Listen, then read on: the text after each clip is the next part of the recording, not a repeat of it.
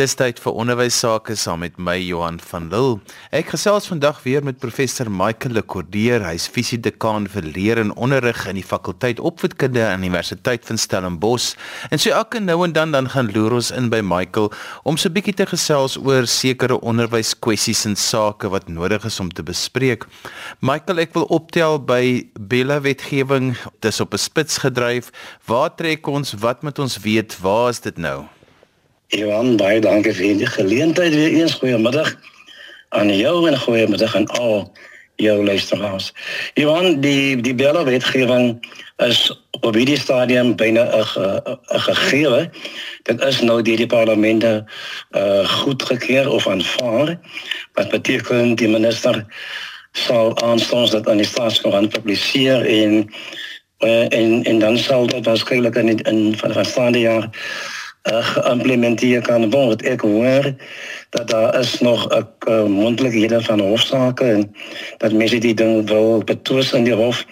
Dis alles goed en wel, maar uh, my advies op hierdie stadium is uh ook wat doen ons met dit wat ons nou voor ons het die wetgewing lyk na alle waarskynlikheid na 'n gegewe en as ek kyk na wat 'n vorige regter gesê het oor dieselfde aangeleentheid En en hy het toe gesê die beheerliggaam en die onderwysdepartement moet probeer om mekaar te vind in goeie trou en om 'n goeie verhouding te handhaaf ten einde hierdie ding te maak werk.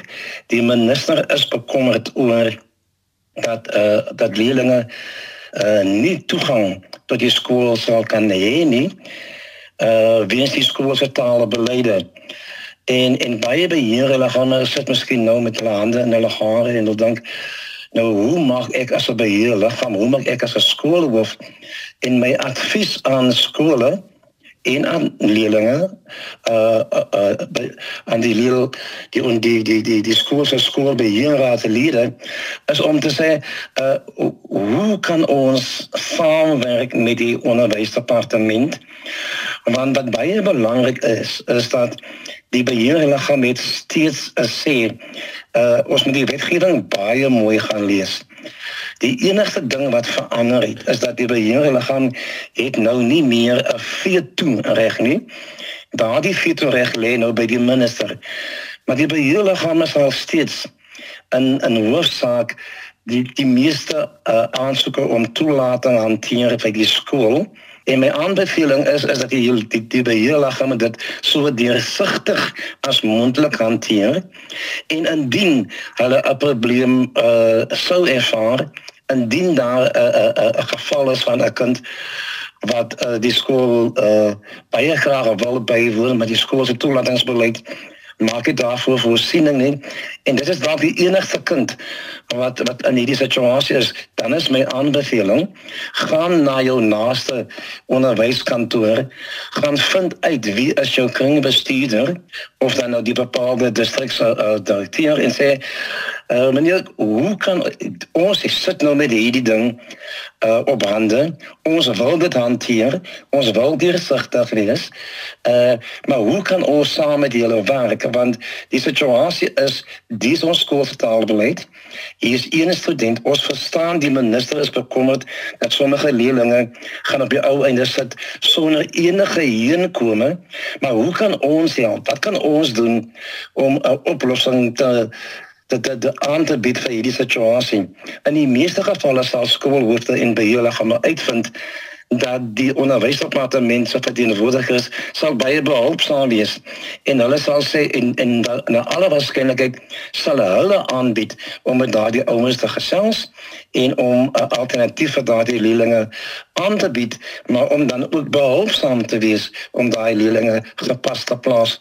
So my aanbeveling dis aan 'n kort is ons om die pad van die minste weerstand te loop en om oop kaarte te speel met jou plaaslike uh onderwysdepartement. Michael, maar die hele wetgewing het ook 'n impak op graad R onderwys. Ja, dit is waar. Uh die hele wetgewing maak dat graad R onderwys is nou verpligtend en en hierso is 'n baie belangrike boodskap vir die ouers daar buitekant met 5-jarige kinders in die huis en wat van tevore nog nooit toegang gehad het tot voorskoolse onderwys nie. Dit is nou die geleentheid om die skool te nader en vir die skool te sê my kind is 5 jaar oud, ek wil my kind baie graag inskryf vir graad A. Dit is nog verpligtend en aangesien die skool en die onderwysdepartement nou hiervoor volgens die nuwe wetgewing daarvoor voorsiening maak is dit elke ouer se reg om by die naaste skool waar jou ander kinders ook skool gaan, te gaan aansoek doen sodat jy jou kind in graad R die nodige ondersteuning en toegang kan kry. Voorheen sal jy weet, moes ouers van aldaar verskeidenheid van voorskoolse onderrig uh gebruik maak. Ag, ons almal weet van 'n Willie Valley of 'n Kabouterland naby ons huis. Die nuwe wetgewing maak nou voorsiening dat gaat er onderwys aan die ouers en kan kinders gebied gaan word en dit kos dit is kosteloos. Dit is 'n uitgawe wat die staat namens ons aangaan en dit is waarvoor ons as belastingbetalers betaal. So my pleidooi dan is aan ouers wat wil uh uh kinders in die huis het van graad R ouderdom om hulle na skool nou te nader en te sê ek wil graag my kind inskryf vir graad R want dit is 'n baie baie belangrike aspek. So as ek nou reg verstaan, dan mag ouers nie meer hulle kinders by die huis hou nie. Dit is ook korrek. Uh en en dit is dit gaan uh, eintlik lei tot tot 'n volgende aspek van die Bella wetgewing waaroor ek eintlik ook wil gesels en dit is ouers uh, moet mooi verstaan dat hulle mag nie meer in die pad staan van hulle kind se se onderwysloopbaan nie. Ouers is nou volgens die wet verplig nie net om hulle graad om hulle kinders van graad uh, in om hulle 5 jaar ouer kinders in graad R in te skryf nie. Maar ons is nou volgens die wet verplig om alle kinders toe te sien dat die kinders skool toe gaan. Kinders mag nie meer net by die huis rond lê nie. Hulle mag nie sonder enige rede nie skool bywoon nie. En ouers of wie ook al dit geld ook vir vakbonde het nou geen reg meer om in die pad te staan van 'n kind se onderwys nie. Dat die onderwys is 'n basiese reg wat kinders toekom en mense wat wel hulle daaraan skuldig maak om in die pad te staan van 'n kind wat moet skool toe gaan, loop gevaar om met die wet te bots. Die wetgewing maak nou voorsiening dat sodanige persone inderdaad vervolg kan word. En dis 'n baie baie ernstige saak. So ouers moet asseblief baie deeglik kennis neem hiervan en asseblief die nuwe wetgewing gehoorsaam. Michael, dit is 'n verrykende wetgewing wat so gaan uitkom. Persoonlik, hoe voel jy oor die wetgewing? Johan, my persoonlike gevoel is dat uh die wetgewing uh bestryk altesaame 18 aspekte van basiese onderwys en die meeste daarvan is mynsiens positief en gaan 'n positiewe uitwerking hê op die uh skoolgemeenskappe daar buitekant en oor onderwys in Suid-Afrika in die algemeen. Jy weet die wetgewing maak ook voorsiening vir dinge soos dat skole wat voorheen in dieselfde dorp was, maar al die skole was eintlik onder uh bewoon. Nie al nie een van die twee skole het genoegsame leerders gehad om lewensvatbaar te word. Die nuwe wetgewing sê daai skole moet nou al gemeer en die beste gebou wat beskikbaar is wat die beste uh uh uh wat wat die heel beste hulpbronne beskik moet die nuwe skool gebou word. So alle kinders gaan nou toegang hê tot tot af tot 'n mooi en 'n baie netjiese skool gebou met die nodige gereedes soos 'n saal en 'n biblioteek. En en en en dit lei ook tot tot tot tot samekoms van mense, tot die vereniging van gemeenskappe. Want ek dink dit is dit is soos die Engelsman sê dis long overdue dat onderwys moet ook nou hulle deel speel om ons land en ons volk en ons nasie te verenig. Ons het sopas hier baie mooi episode van van hoe en rugby 'n uh, uh, 'n nasie kan verenig. Onderwys behoort nou dieselfde te doen. So ek is in beginsel voel ek baie positief oor hierdie derde wetgewing. Die twee aspekte wat baie kommerwekkend is, is die een oor die toelatingsbeleid en die een oor die taal en die taalbeleid. Maar soos ek reeds gesê het, ek het advies daaroor gegee en my aanbeveling is dat waar beheerliggame vasstel met daardie twee uh aspekte van die belle wetgewing dat hulle in verbinding tree met hulle naaste onderwysdepartement en saam om 'n tafel sit en kyk hoe kan ons 'n goeie trou 'n uh, oplossing vind vir wat eintlik 'n baie baie netelige uh, probleem is. En so gesels professor Michael Lekordeer, hy is die fisiedekaan vir leer en onderrig in die fakulteit opvoedkunde aan die Universiteit van Stellenbosch. Ons gesels vandag soos ons elke nou en dan doen met hom oor 'n paar onderwyskwessies wat in die nuus is. In die eerste gedeelte het ons redelik in diepte gesels oor die Bella wetgewing. Nou gaan ons bietjie oorskuif na die matriekeksamen. Michael, wat kan gewone mense doen? Lê die onus nie maar net nou op die matriek om nou af te lewer na 12 jaar se harde werk nie? Johan, eh, tot 'n mate is dit wel die geval. Maar kliks behoort nou uh, te kan uh bewys wat hulle in staat is, maar Johan, die die realiteit van Suid-Afrika is is is baie anders. Ons moet ook vir mekaar sê van van van vandag op die sondagmiddag dat daar is baie matrieks op buitekant. Wat oor geweldige potensiaal beskik. Maar wat nou moet voorberei vir daai matriekeksamen en die omstandighede waaronder dit gebeur is nie noodwendig vervolglik of sodanig dat daardie matriek 'n uh, uh, uh, uh, 'n gerusstelling van 'n uh, 'n goeie omgewing kan studeer en kan gereed maak vir die eksamen. En ek dink as 'n gemeenskap en en en as 'n uh, Suid-Afrikaanse burgers is daar baie wat ons kan doen. Ek noem dit graag op hierdie program, jy weet.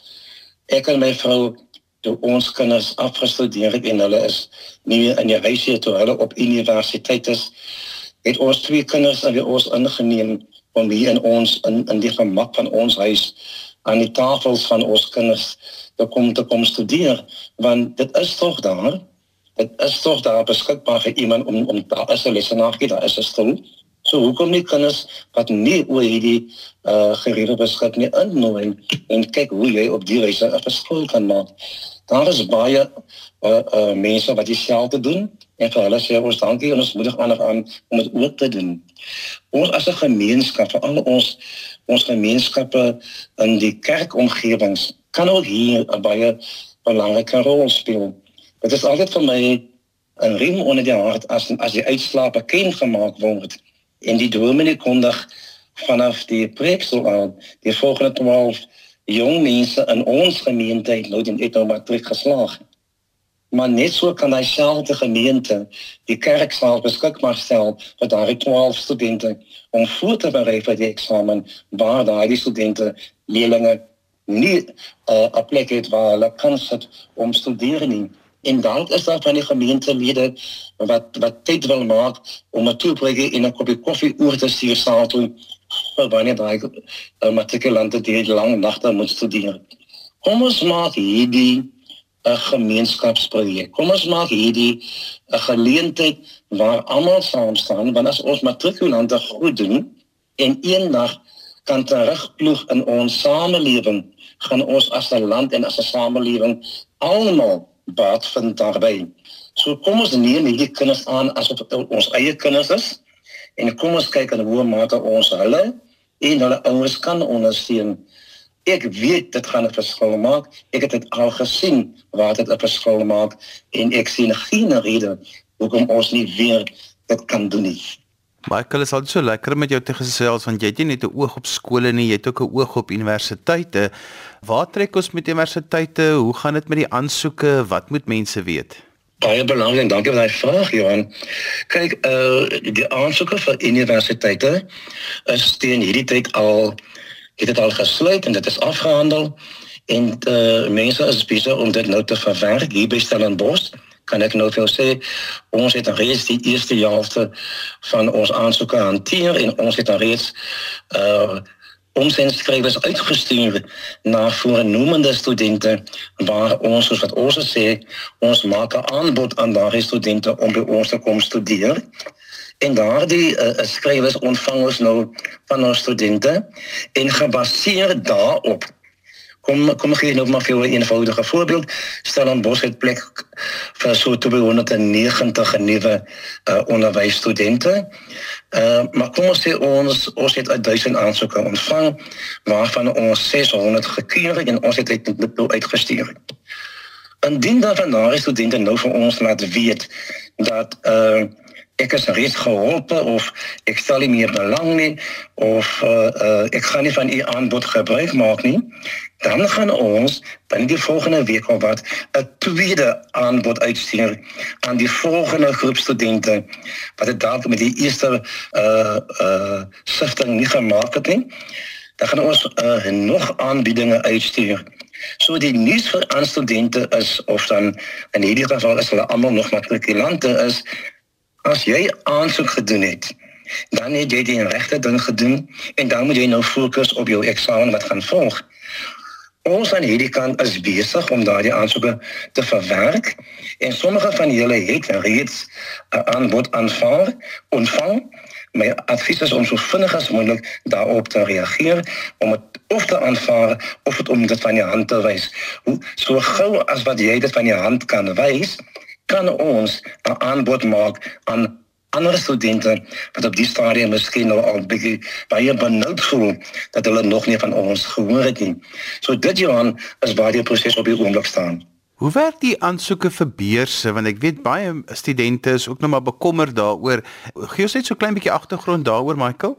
Johannes, soos jy soos die situasie dit nou wil, het ek nou juist uh die die afgelope week was dit nou juist my ek ek ek sit ook toevallig op die beurskomitee van die rapport onderwysfonds en en ons het hierdie week het ons daardie beursaansoeke geproseseer en uh, studente behoort binnekort ook 'n nuus daaroor te ontvang. Net so het alle aansoeke vir die beurs of dit is 'n niswasbeurs en of dit nou is vir die Funza Lusaka beurs, die Funza Lusaka beurs is uitsluitlik net vir onderwysstudente. Al die aansoeke het reeds gesluit en alle aansoeke soos wat ek nou met jou gesels word op hierdie stadium verwerk en uh, studente moet maar 'n oogie hou op die pos of op hulle e-pos of op hulle WhatsApps want uh, ek verwag dat hulle binnekort gaan gaan verneem uh, wat die uitslag is van daardie aansoeke om die nodige beurse. Soos ek sê, ek self was die afgelope week besig geweest met die keuring van die beurse en en en daai studente sal môre maandag se week van ons verneem. So die goeie nuus is die proses is byna afgehandel en studente behoort binne die volgende dag of twee of wat uh, te verneem nie net van ons nie maar ook van al die ander ander beursinstellings waarvoor hulle aansoek gedoen het. So ja, dit is al baie besige tyd op die oomblik. Daar gebeur baie dinge in die onderwys en uh, ons matrikulante moet ongelukkig studeer vir die eksamen, maar hulle moet ook 'n oogie hou op hulle pos. Michael terwyl ons nou op die aansoeke is vir onderwysers, jy het al voorheen 'n bekommernis uitgespreek dat ons nie genoeg onderwysers oplei nie. Waar staan ons op die oomblik daarmee want ek weet van so baie my generasie wat saam met my studeer het wat nou naby aftrede is. Waar staan ons? Johan, volgens die minister van onderwys uh, benodig ons elke jaar 15000 nuwe onderwysers.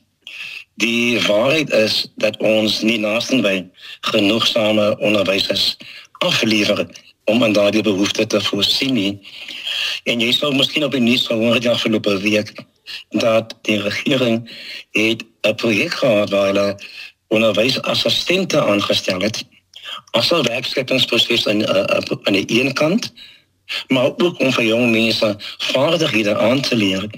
En daardie onderwysassistente het 'n geweldige diens in ons skole gedoen waarvoor ons vir hulle baie dankbaar is want ons het net nie genoeg uh gekwalifiseerde onderwysers in die korrekte vakke nie. Ons moet baie duidelik sê. Daar is dalk onderwysers daar buitekant en hulle sê as jy sê maar ek kan nie 'n pos kry nie, dan moet ons vir mekaar sê is jy gekwalifiseer in die vakke wat werklik waar vir 2025 nodig is.